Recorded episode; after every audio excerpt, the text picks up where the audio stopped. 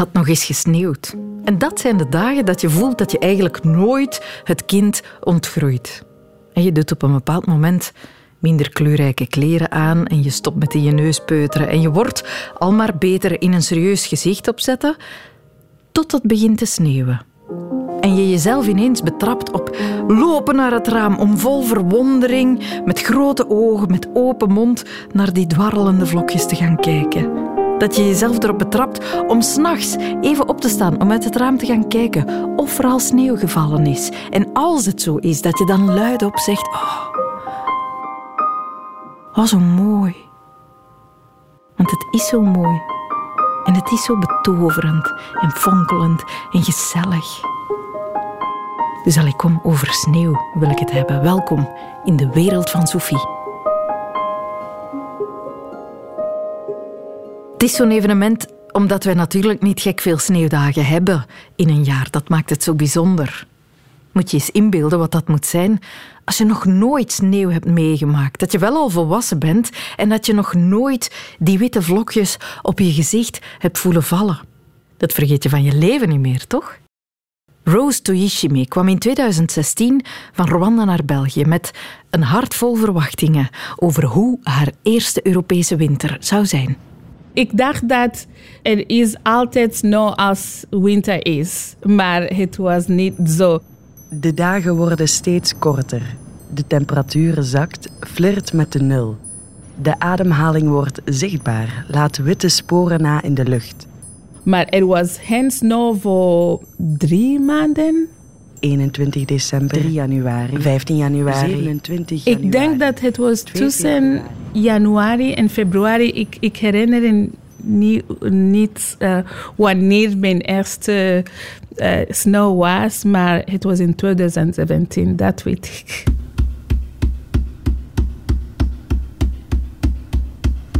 Ik was benieuwd. Ik was zo nieuwsgierig over, over snow. How is it? who built the snow? Who ruikt the snow? Ik was thuis in mijn, um, studio. Ik was een student in, uh, uh, in Antwerpen. En ik had een kleine terrasje. En ik was binnen in de huis. Vanuit het raam ziet Rose hoe er kleine vlokjes uit de lucht beginnen te vallen. Maar ik dacht dat het was regen, gewoon regen. Ze blijft rustig zitten, tot ze haar buurvrouw hoort roepen. Rose, Rose, come outside, come outside. En ik was zo snel naar buiten om te kijken en het was snow. Het was niet zoveel, maar na een en een half uur van, er was sommige uh, snow op de grond en er was meer die komt ook. Terwijl de sneeuwvlokken naar beneden dwarrelen, stromen de berichten op haar gsm binnen.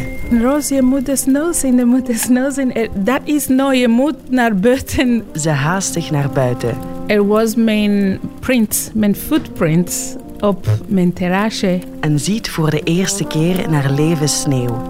Iets zachtjes en wit. Voelt voor de eerste keer sneeuw. Niet zo koud als ik dacht. En proeft. Het was zo snel gesmeld om te, te proeven. Al snel wordt de grijze stad bedekt onder een wit sneeuwtapijt. Alles is uh, hetzelfde kleur. En de, de dak, de, de, de planten, de fleur is alles wit, maar niet gewoon wit, maar sparkly wit. Het is speciaal, het is mooi. Rose moet de sneeuw in. Ze belt via een vriendin uit Indonesië die ook nog nooit sneeuw in haar leven heeft gezien. Hey, via snowed. Can we in the snow wonderland of uh, it's doen zoals in de, in de films? De twee volwassen vrouwen lopen als kleine kinderen de sneeuw in. Ze wandelen in de sneeuw en uh, spelen met sneeuw. Ze maken sneeuwballen en gooien die op elkaar. Een beetje um, to lay on the ground. Ze gaan liggen op de grond, bewegen hun armen en benen op en neer, maken sneeuwengelen. Ja, op de grond liggen zoals de kleine kinderen of zoals de uh, romantische um, films. Uh, het was een ervaring.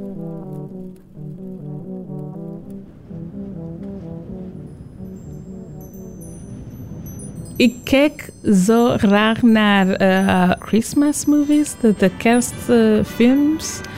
en mijn fantasie in mijn hoofd was altijd over snow, winter, kerst.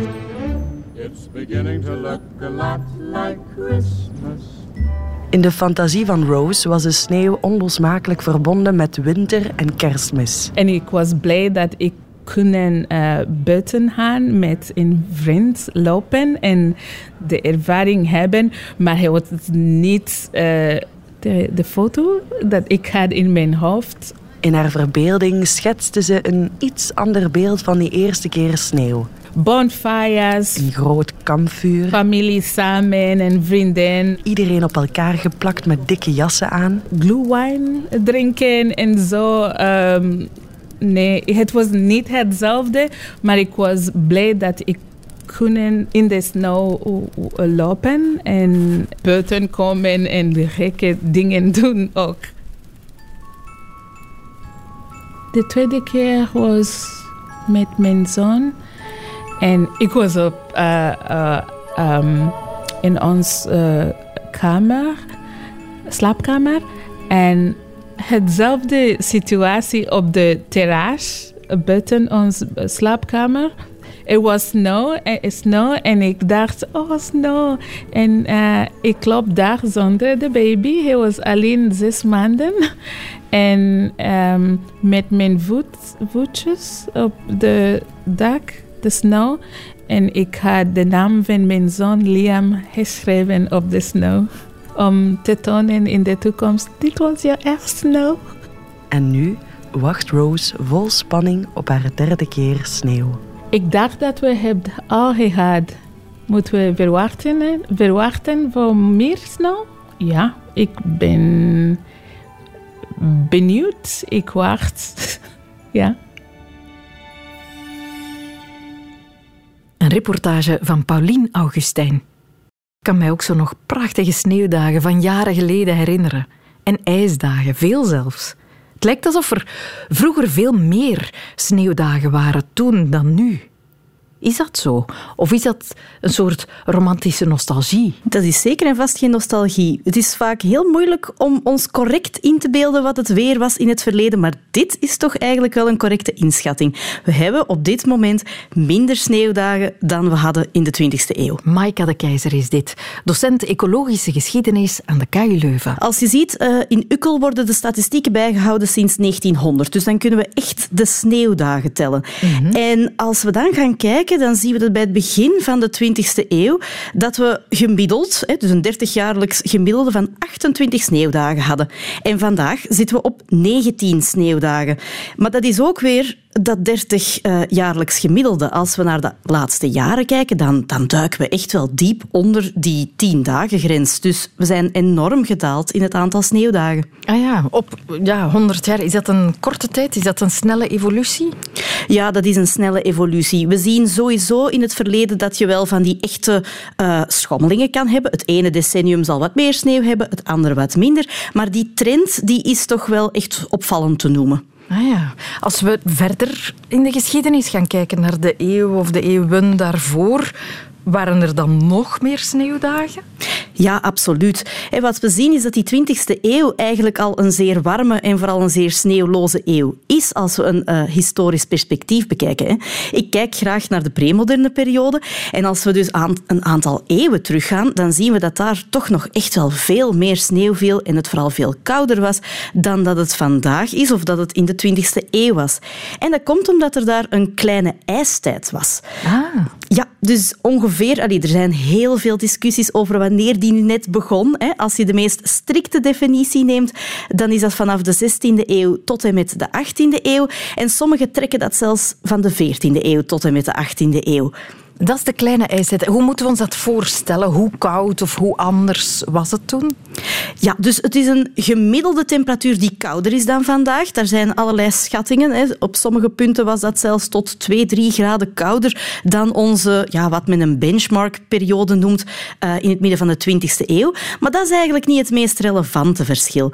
Wat je ziet is dat daar enorm veel uh, weersextremen plaatsvinden. Het is een enorm um, ja, wisselende periode.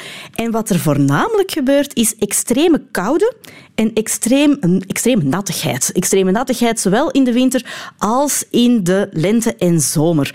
En dan kan dat dus echt leiden tot uh, ja, vriesperiodes van november tot maart, een enorm sneeuwdek, uh, rivieren en zelfs zeeën die volledig konden dichtvriezen voor ettelijke weken en maanden. Maar die kleine, hoe kwam het dat het dan die periode zo koud en zo anders was?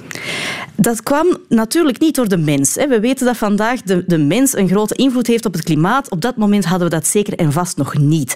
Op dat moment zie je dat er voornamelijk natuurlijke factoren een invloed uitoefenen. En twee springen daar toch wel bovenuit.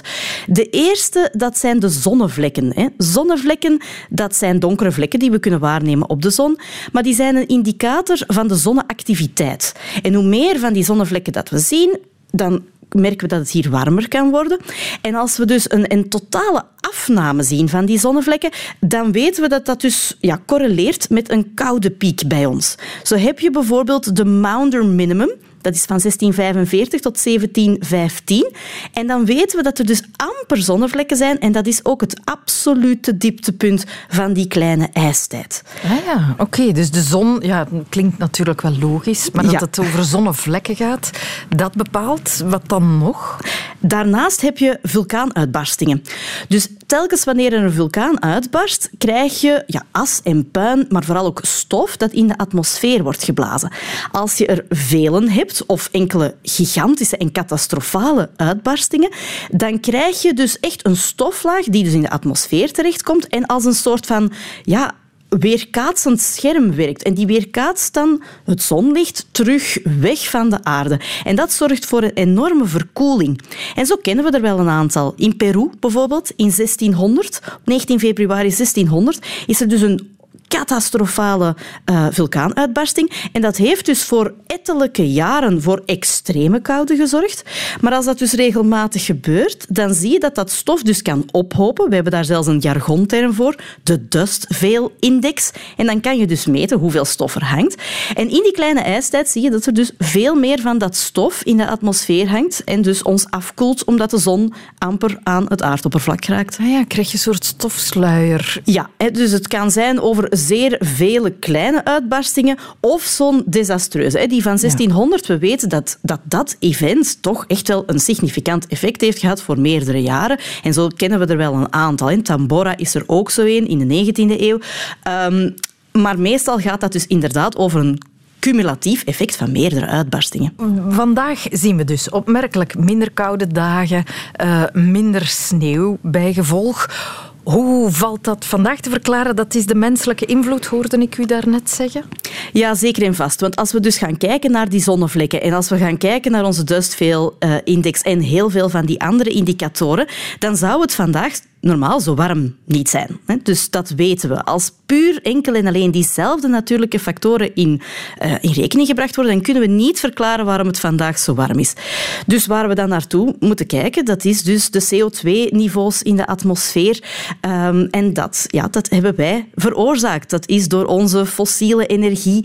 Uh, dat komt door onze menselijke activiteit. Dus wij zijn een zeer sturende invloed op ons klimaat vandaag. En wij zijn dus mee de oorzaak van die opwarming. Sturend en storend. We hebben de sneeuw wat weggepest. Specifiek, want de opwarming van de aarde, dat weten we natuurlijk, dat dat geen goede evolutie is. Maar specifiek het ontbreken van sneeuw, is dat problematisch?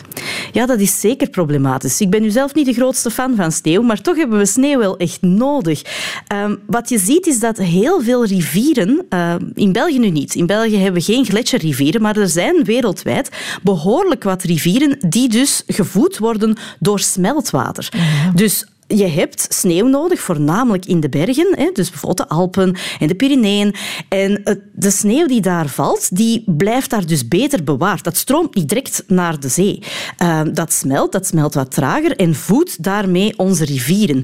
We zien dus bijvoorbeeld, vorig jaar uh, is er 63% minder neerslag gevallen in de bergketens in Europa. En dat heeft ervoor gezorgd dat de rivier uh, de Po, hè, de Po-rivier in Italië, al in de lente ontzettend laag stond. En dat is mhm. een immens probleem voor ons drinkwater, voor onze handel, voor onze riviervaart, etc. etc. Dus sneeuw heeft wel degelijk een belangrijke functie voor, ons, voor onze zoetwatervoorraden. Ja, spijtige conclusie, hè? Maar het is niet anders. Het is nu eenmaal zo. wij maar hunkeren naar datgene wat we zelf uiteindelijk onmogelijk maken.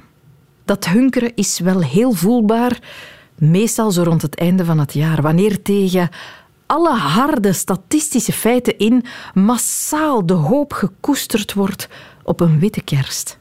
Vincent Bilot. Ja, ik heb dat eens uitgezocht.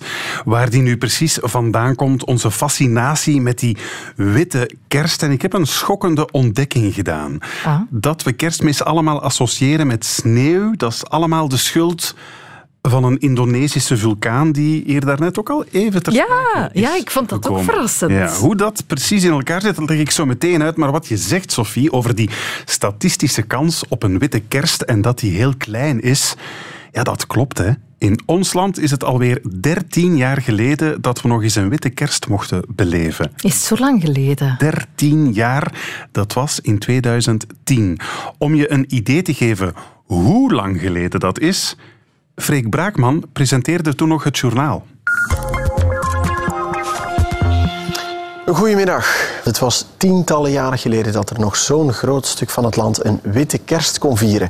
Misschien bent ook u vandaag naar buiten getrokken om te genieten van de sneeuwpracht. Luc Pauwels ging kijken in het park van Tervuren. Deze ongewoon witte kerst zorgde voor een park dat bijna zwart van het volk zag in Tervuren.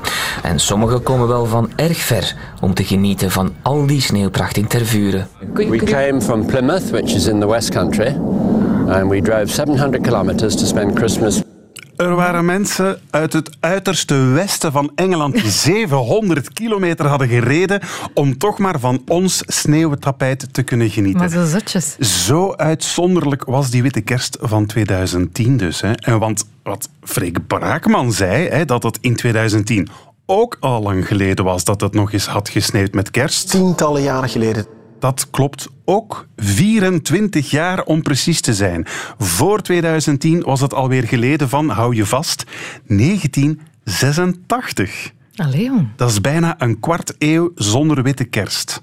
Het is eigenlijk zo zeldzaam in ons land dat we er gewoon niet meer tegen bestand zijn. Tegen zo'n pittoresk laagje sneeuw. Want in datzelfde journaal over onze laatste witte kerst in 2010 zat ook dit trieste bericht. Voor de gelovigen van Diepenbeek in Limburg blijft de kerstnacht van 2010 voorgoed in het geheugen gegrift. Luttele uren na de middernachtmis is de Lutseluskerk ingestort. Waarschijnlijk is het dak bezweken onder het gewicht van de sneeuw. Het dak van de Lutseluskerk was niet bestand tegen dat luttele laagje sneeuw dat gevallen was. Er vielen gelukkig geen gewonden, al was het zieltje van deze trouwe kerkgangster wel voor altijd gekwetst. Ik heb niks gehoord. Mijn man die zei wel, er zit wat te kraken in de micro. Maar ja, ik had dat niet gehoord. Was het toen dat al? Ik zou het niet weten. Maar spijtig, we zijn ons kerk. Amai. Met een snik. Zo eindigde de laatste witte kerst in ons land 13 jaar geleden in 2010. Het mogen duidelijk zijn dat het slechts heel uitzonderlijk sneeuwt met kerst. Hè. Niet alleen bij ons, maar in heel Europa is zo'n witte kerst eigenlijk best zeldzaam. En toch, toch tegen die die kleine statistische kansen in blijven we daar dus inderdaad elk jaar opnieuw weer op hopen. Het is bijna een idee fix. Hè. Bij kerst hoort sneeuw, zoals bij zout ook peper hoort bij Nicole Hugo, bij Gaston Leo.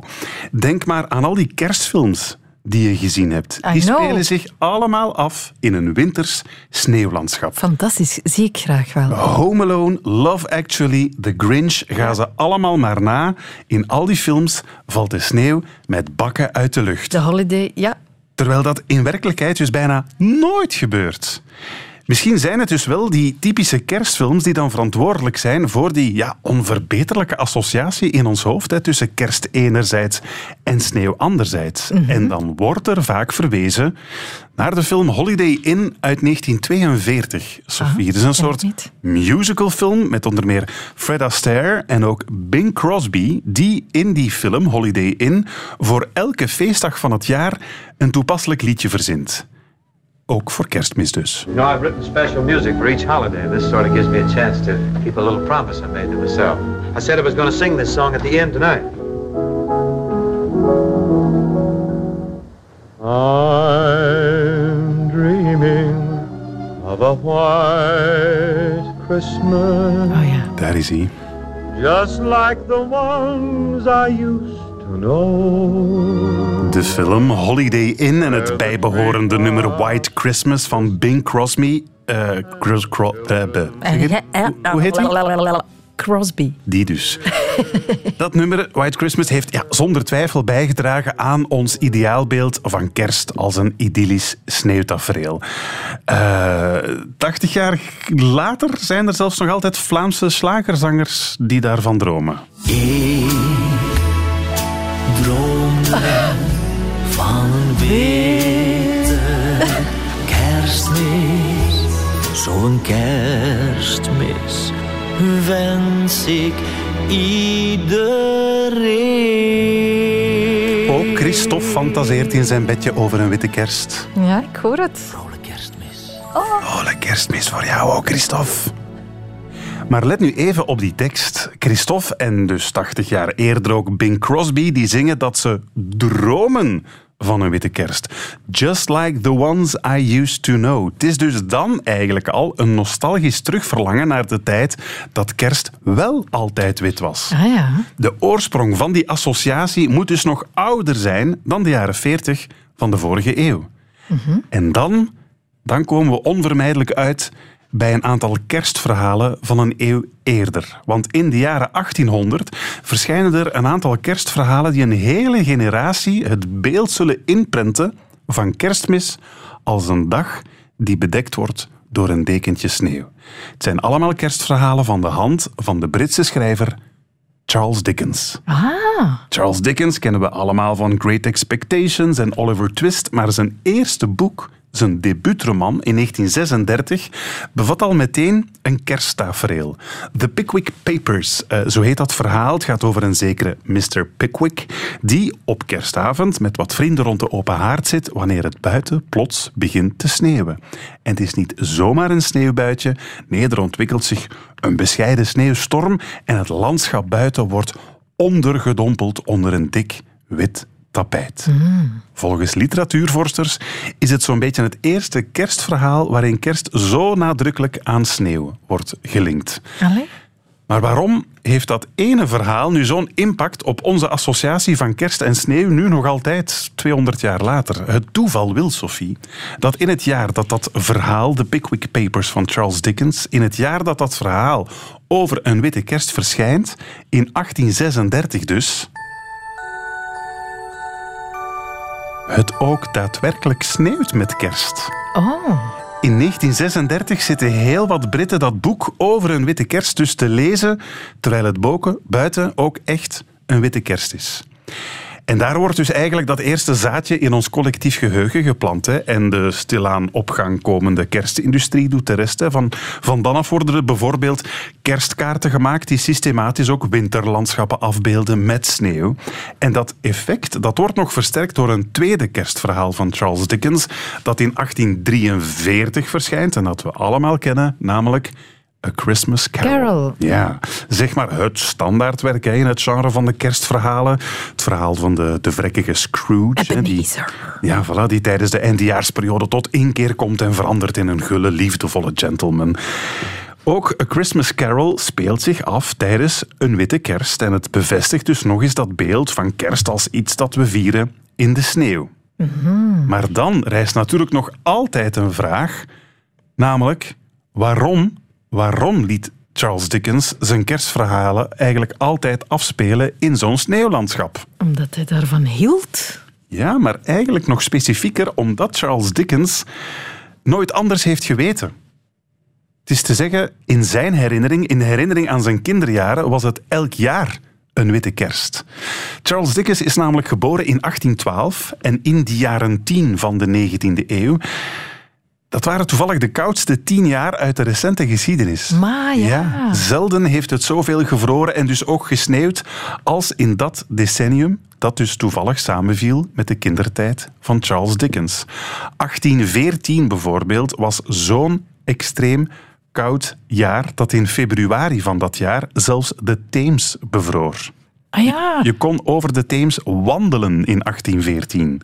Straffer nog, er werd dat jaar op de Theems een Frost Fair gehouden, een soort wintermarkt. Er werden dan tenten opgezet met tafels en stoelen waaraan gegeten en gedronken werd. En om te tonen aan het publiek, aan de Londenaars, hoe dik het ijs wel was, werd ter hoogte van Blackfriars Bridge een olifant van de ene oever van de Theems naar de andere oever geleid. Om aan iedereen te tonen, kijk, zo veilig is het. Zelfs een olifant kan zonder problemen over het ijs Maar, van hoe de goed is Theems. dat? maar weet je dat ik mij dus dat ook herinner in Brugge? In, In de 1814? Brugse, nee, nee, dus zo oud ben ik net niet.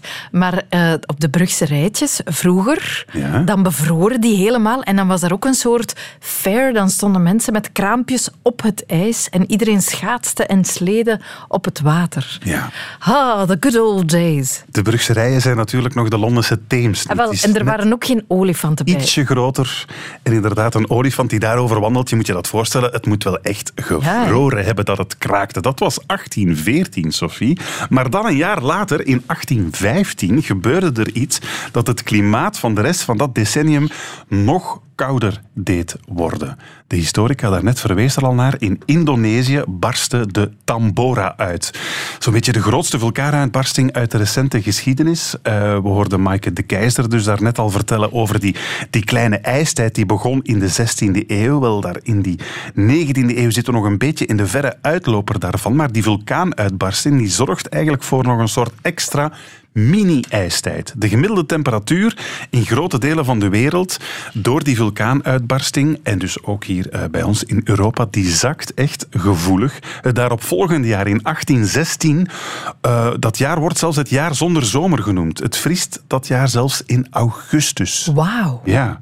Charles Dickens is drie jaar als die Tambora uitbarst. En het zorgt ervoor, hou je vast, dat de eerste acht levensjaren van Charles Dickens het elk jaar sneeuwt met kerst. Maar. Dus Charles Dickens heeft zijn hele kindertijd lang niet anders gekend dan een witte kerst. Die schreef niks bijzonders op voor, voor hem dan. Voor hem was dat eigenlijk eerder de regel dan de uitzondering. Het omgekeerde dus eh, als nu in, eh, in onze nu. tijd. En dus het feit dat wij kerst altijd linken aan sneeuw, is allemaal de schuld van de Tambora.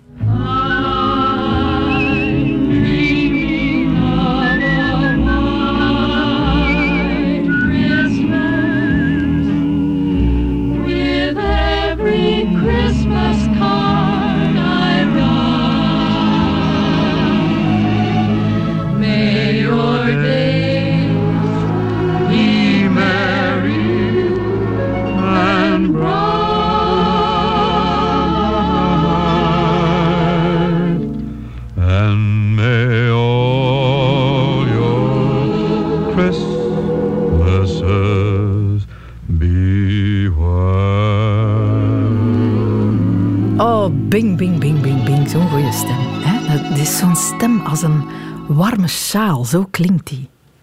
Weet je wat ook zo goed klinkt? Sneeuw.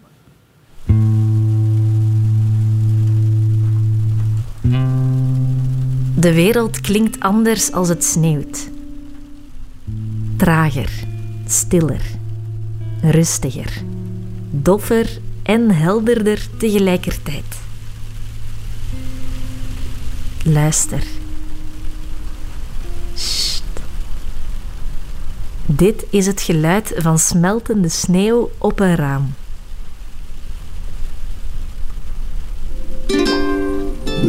Het is maandagavond 15 januari en er is sneeuw voorspeld. Een hele goede avond. We kregen vandaag in de app van het KMI zo'n duizend meldingen van sneeuw. Want ja, als je die app op je smartphone hebt staan... Sneeuw wil hier meestal zeggen smeltende sneeuw. En dat klinkt dus zo. Je hoort hoe de regendruppels zwaarder uit de lucht komen gevallen. En hoe er soms, als je echt heel goed luistert, er een doffe plof te horen is. Hier dus. Ah, en hier. Het is misschien moeilijk te horen omdat het nu niet heel hard sneeuwt, maar dit heb ik een paar jaar geleden opgenomen. Toen het echt gesneeuwd had. Je hoort het geluid van voetstappen in verse sneeuw. En dit is het geluid van een hond die er doorloopt. En het geluid van ijs op schors. En het geluid van sneeuw dat op sneeuw valt. En dit is mijn lievelingsgeluid. Het geluid van sneeuw in een bos. Als het sneeuwt, klinkt een bos zoals het eruit ziet. De sneeuw glinstert in de zon. En doordat er regelmatig een laagje sneeuw van dunne takjes naar beneden valt, klinkt het ook glinsterend. Bijna knetterend. Bijna als een haardvuur. Koud en warm. Dit is een ode aan het geluid van sneeuw. Aan een wereld die plots stil lijkt te vallen. Een ode aan gekraak en geplof. Sneeuw in feite maakt geen geluid. Om een geluid te hebben, hebben we een trillend object nodig die de deeltjes in de lucht uh, in beweging brengt. En uh, sneeuw is eigenlijk uh, iets wat geluid kan absorberen, dus niet geluid maken. Je hoort hier Monika Richtarikova, professor akoestiek aan de KU Leuven. Als we de verse sneeuw op straat hebben, dan wordt alles stiller omdat het geluid op straat en velden en bergen wordt door die poreuze structuur van sneeuw geabsorbeerd omdat die losse sneeuwvlokken die op elkaar vallen, die creëren een bepaalde poreuze materiaal. Zo'n geluidsgolf die kan in feite in zo'n poreus materiaal binnenkomen. En door die wrijving tussen de luchtdeeltjes en sneeuwkristalletjes wordt uh, geluidsenergie naar warmte omgezet. Geluid bestaat uit golven, uit trillingen. En sneeuwvlokken die absorberen die golven en dus het geluid. Want als sneeuwvlokken op elkaar vallen, dan zit er tussen die vlokken een lege ruimte. En daarin, in die lege ruimte, vallen de geluidstrillingen stil. We kennen allemaal de situatie wanneer de verse sneeuw meldt. Die wordt naar water of uh, ijs omgezet. Dan is die stilte weg. Dat betekent dat poreus materiaal verandert naar een uh, hard materiaal die gaat alle geluidsgolven uh, verkaatsen. En door de verkaatsen van het geluid uh, hebben we meer lawaai dan. We weten dat we altijd in een zwembad of een ijsbaan superveel lawaai hebben. Dat komt door die grote oppervlak die veel geluid reflecteert, terug naar de ruimte. Het verschil tussen een besneeuwde straat en een straat zonder sneeuw is immens. Hier hoor je het geluid van verkeer dat door een straat zonder sneeuw rijdt.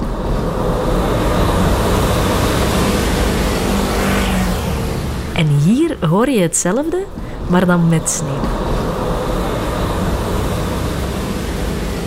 Wat je hoorde is een simulatie die professor Richtarikova maakte voor haar studenten. Om het verschil te horen. Oh, hi there. Het geluid van sneeuw is een van de meest populaire ASMR-geluiden.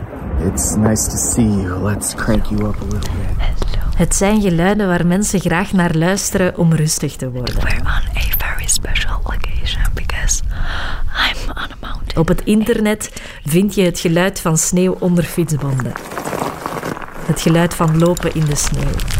Ijs op een snowboard. Sneeuw die uit de lucht komt gevallen. Ijs dat, ijs dat van een auto ruikt. Het geluid van, het geluid van sneeuw die samengedrukt wordt. In handen of onder voeten. Like the little scarf people who, are, who go skiing like often. De meeste van die ASMR-video's zijn opgenomen in de bergen. In skigebieden. Of in Scandinavië. Of in Canada. Niet hier. In een bebouwde kom of in een grote stad bestaan veel geluidreflecties.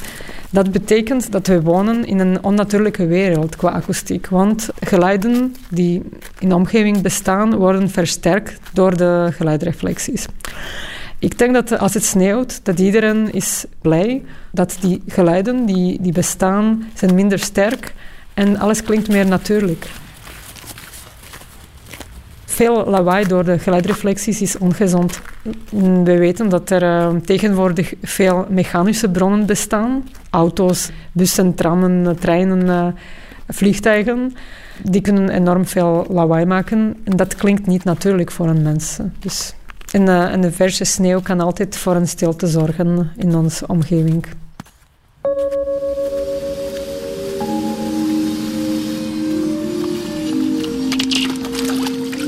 Je denkt misschien dat dit ook het geluid van een sneeuwlandschap is. Goh, ik weet dat ik een stuk karton gebruikt heb. Maar dat is het niet. Om eerder de impact van de pootjes op het ijs uh, te creëren. Het is het geluid dat het geluid van een katje op ijs nabootst. Er was, was zeker ook water bij gemoeid en een dweil ook, dacht ik. Bram Braam is folieartiest.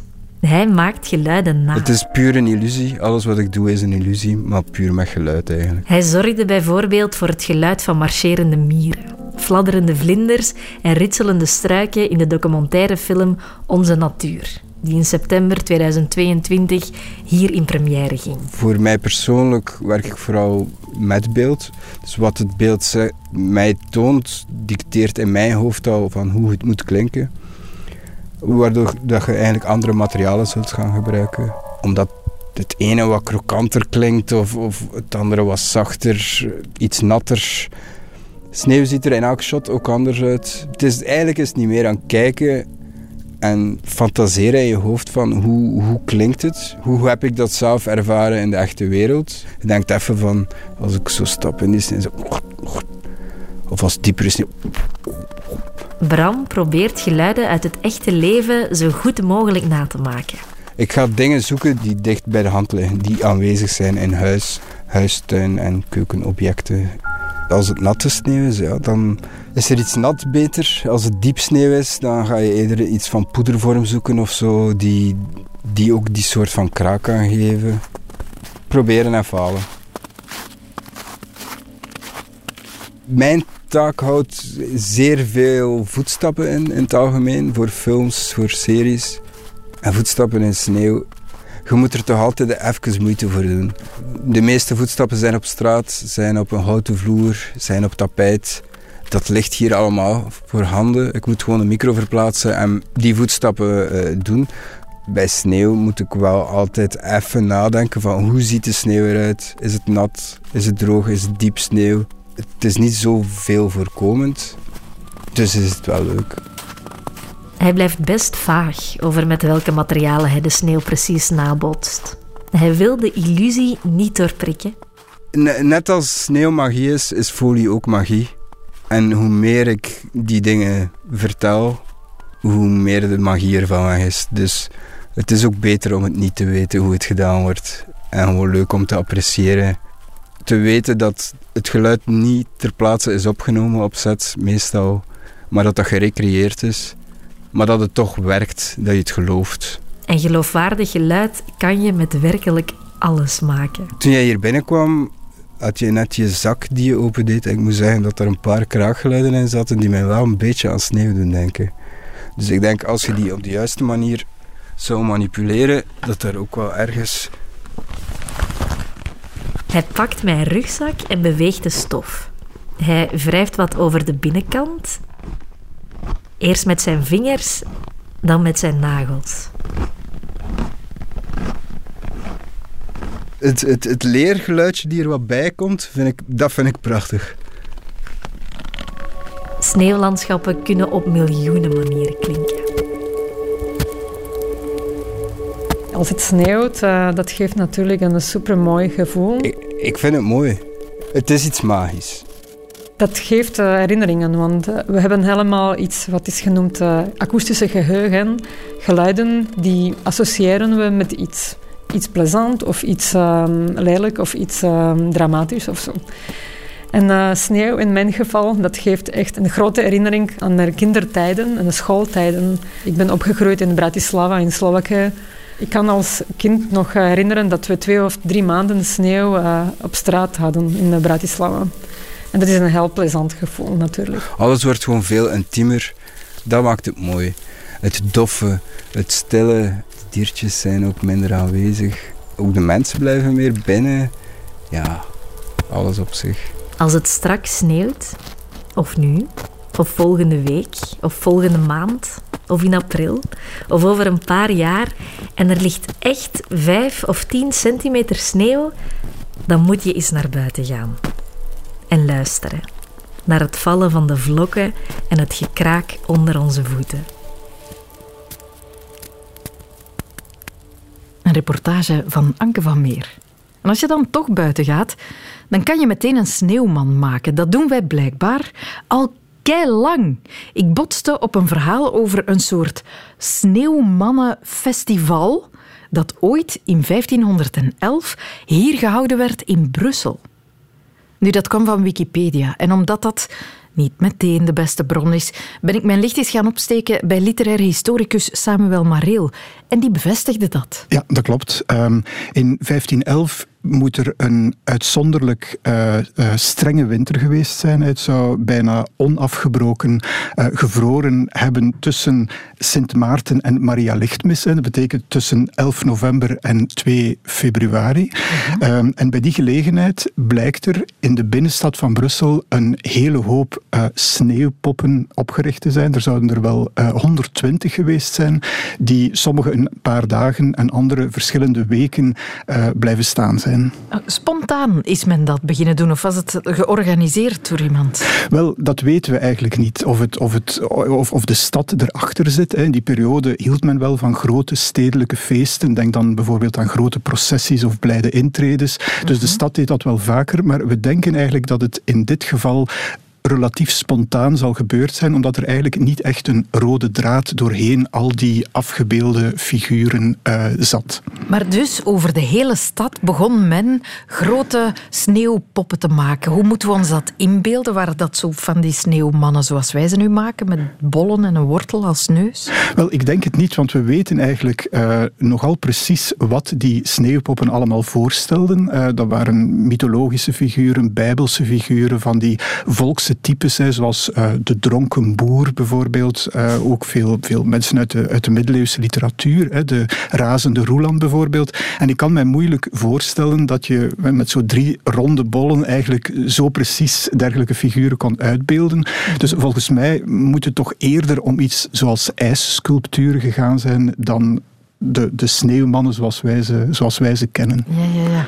Ik lees ook, want je zou denken, oh, zo schattig van de Brusselaars, maar ik lees ook dat er nogal expliciet pornografische beelden bij waren.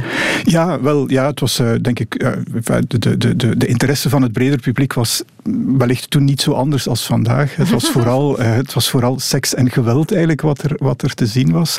nu, misschien wel het, het, het vermelden waard is dat het op zich natuurlijk heel erg bijzonder is dat we één nog weten dat dat festival er was. Dat is toch heel lang geleden. Ja. En dat we ten tweede eigenlijk ook relatief precies weten wat er allemaal is afgebeeld. En dat weten we eigenlijk omdat er een uh, Brusselse uh, dichter, hè, die heette Jan Smeken, dat was eigenlijk de Brusselse stadsdichter.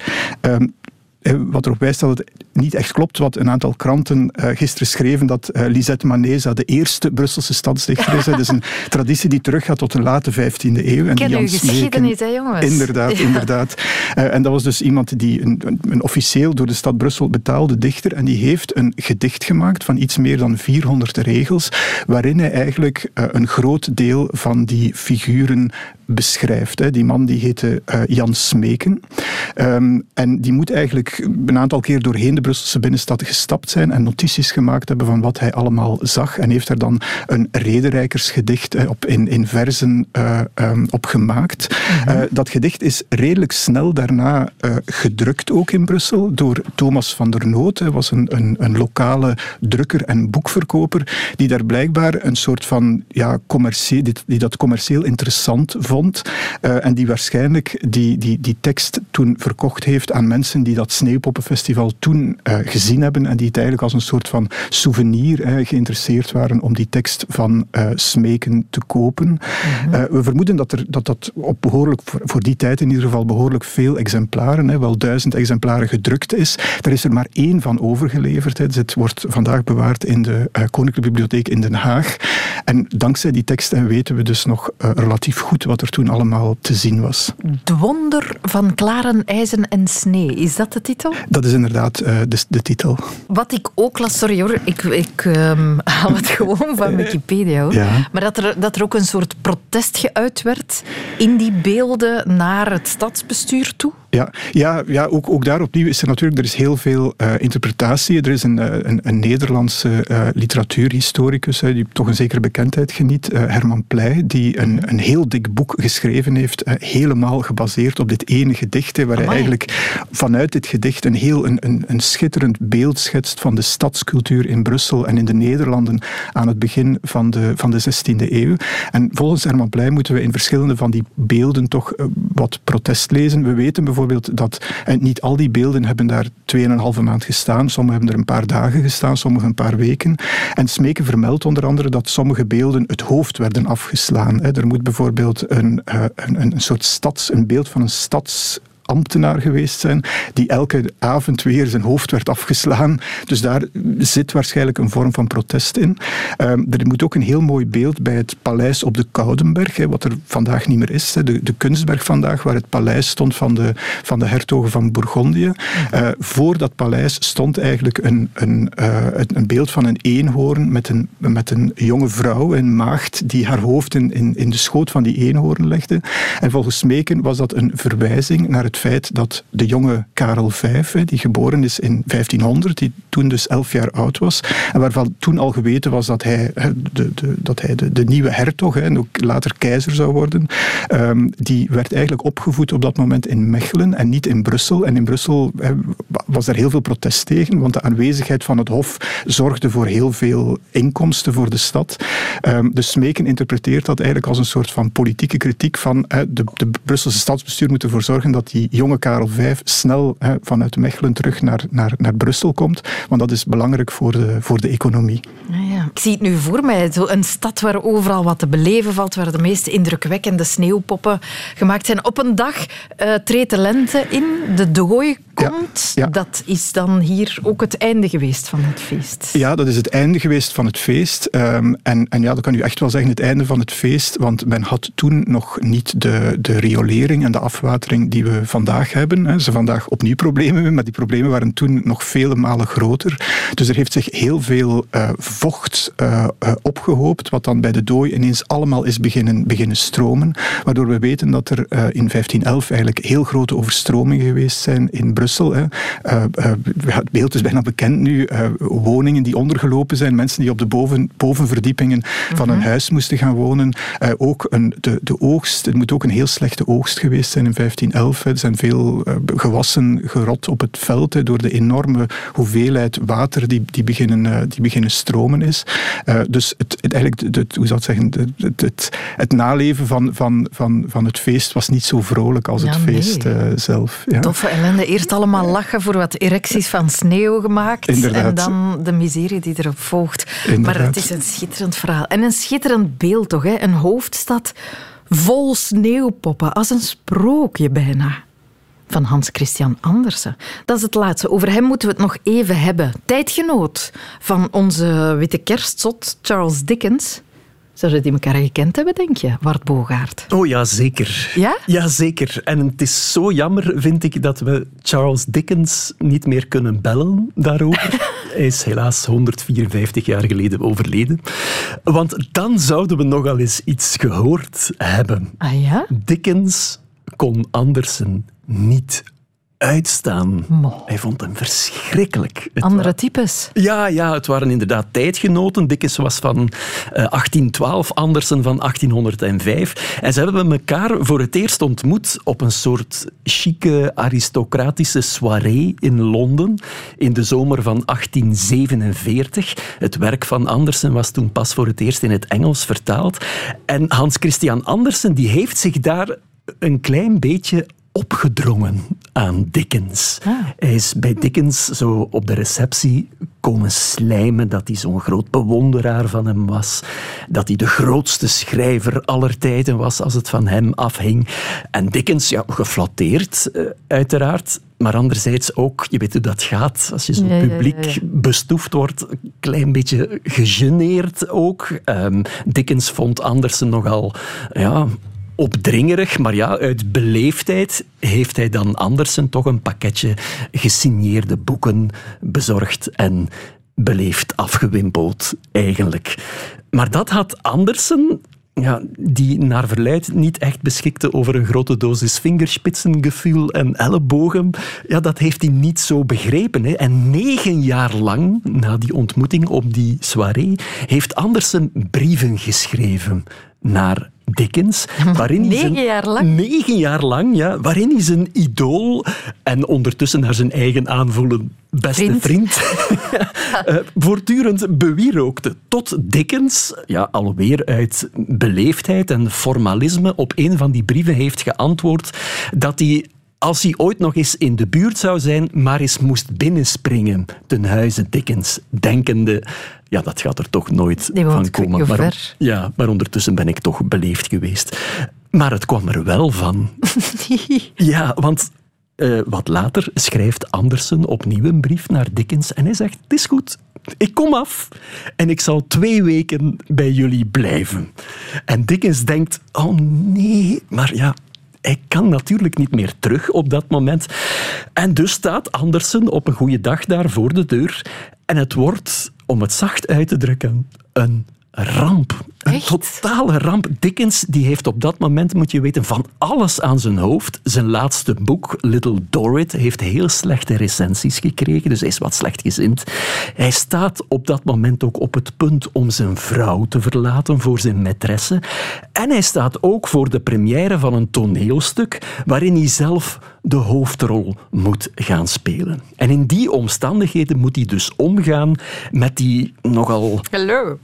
Lompe, sociaal onaangepaste, bovendien amper Engels sprekende Deen, die, om maar iets te noemen, eist bij aankomst dat Dickens zoon zijn baard scheert. Omdat dat blijkbaar een Deens gebruik is, dat als je een man thuis ontvangt, ja, dat je dan zijn baard scheert.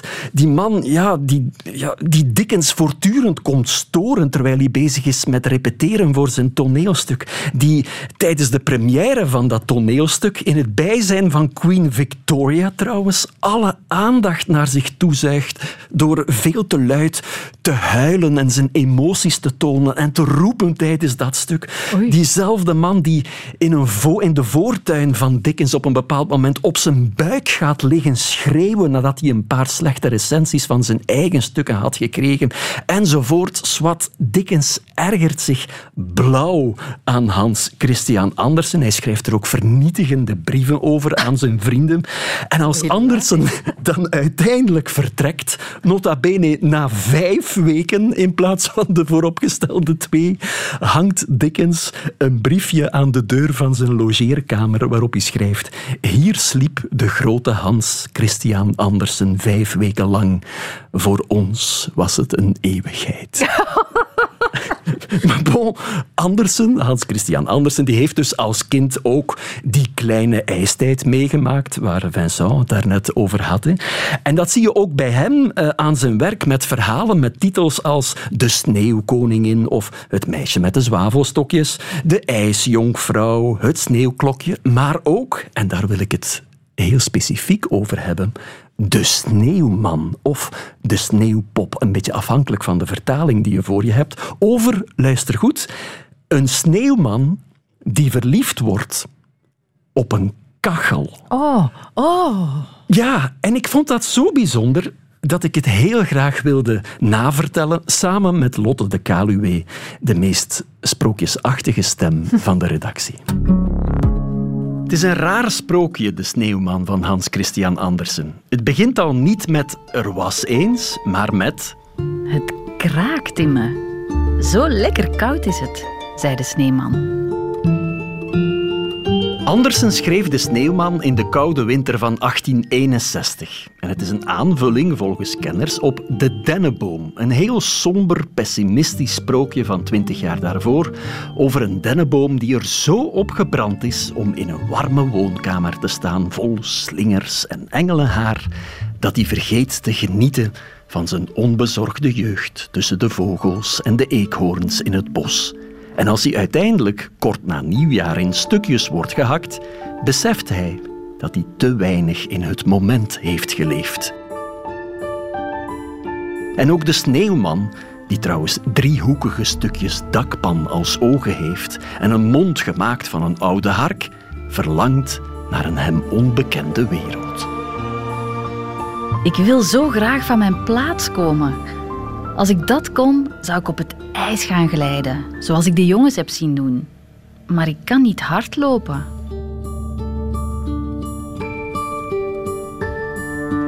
Terwijl de sneeuwman daar zo staat te mijmeren, krijgt hij het gezelschap van een hond, die door een boos baasje aan een paal wordt vastgebonden, De zon zal je wel leren hardlopen. zegt de hond. Dat heb ik vorig jaar aan je voorganger gezien en ook aan zijn voorganger. Weg zijn ze. Weg. Allemaal. We krijgen gauw een weersverandering. Dat merk ik aan mijn linker achterpoot die trekt. Er is ander weer op til. De hond vertelt hoe hij in de kelder van het landhuis achter hen woonde, bij de huishoudster, en hoe fantastisch het daar was. Tot daarnet, toen hij de zoon des huizes in zijn been gebeten had en prompt buiten vloog. Ik lag binnen op een fluwelen kussen of op schoot bij de grote baas. Ik werd gezoend en mijn pootjes werden met een geborduurd zakdoekje afgeveegd. Ze noemden me knuffeltje en honneponnetje. Maar één ding krijgt de bibberende, vastgebonden hond niet meer uit zijn gedachten. Ik had een eigen kussen en er was een kachel en dat is in deze tijd het heerlijkste dat er is.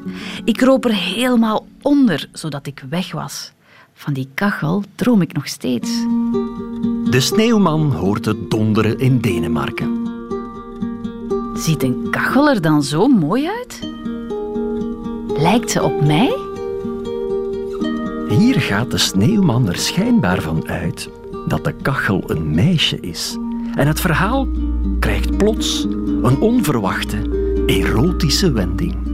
Ze heeft een lange hals van koper. Ze eet brandhout tot de vlammen ervan uit haar mond slaan.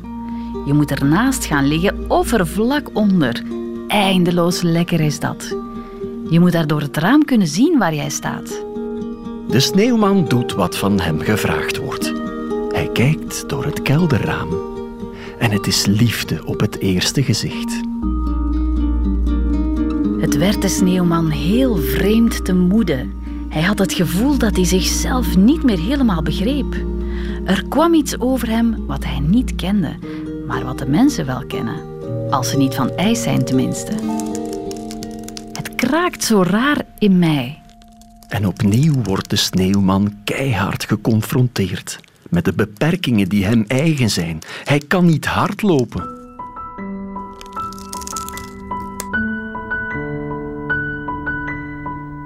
Zou ik daar ooit binnen mogen? Ik moet naar binnen. Ik moet tegen haar aanleunen. Al moet ik het raam ervoor inslaan. Een hele koude dag lang staat de sneeuwman hunkerend naar binnen te kijken. Maar in de nacht die erop volgt, vriest het dat het kraakt. En er voltrekt zich een drama. S'morgens waren de kelderramen dichtgevroren. Er stonden de mooiste ijsbloemen op die een sneeuwman maar kon verlangen. Maar ze onttrokken de kachel aan het oog. De sneeuwman krijgt gevoelens die hij nooit eerder bij zichzelf had ontwaard. Hij zou moeten kirren van plezier in al die vorst. Maar hij had geen plezier. Hij had zich gelukkig kunnen en moeten voelen, maar hij was niet gelukkig. Hij had kachelverlangen. Kachelverlangen. Herkenbaar, vindt de hond.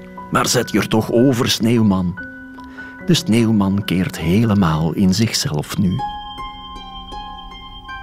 Hij zei niets. Hij klaagde niet. En dat is een veeg teken. De linker achterpoot van de hond blijft maar trekken. En de dooi zet in. De zon leert de sneeuwman hardlopen. En op een ochtend viel hij om.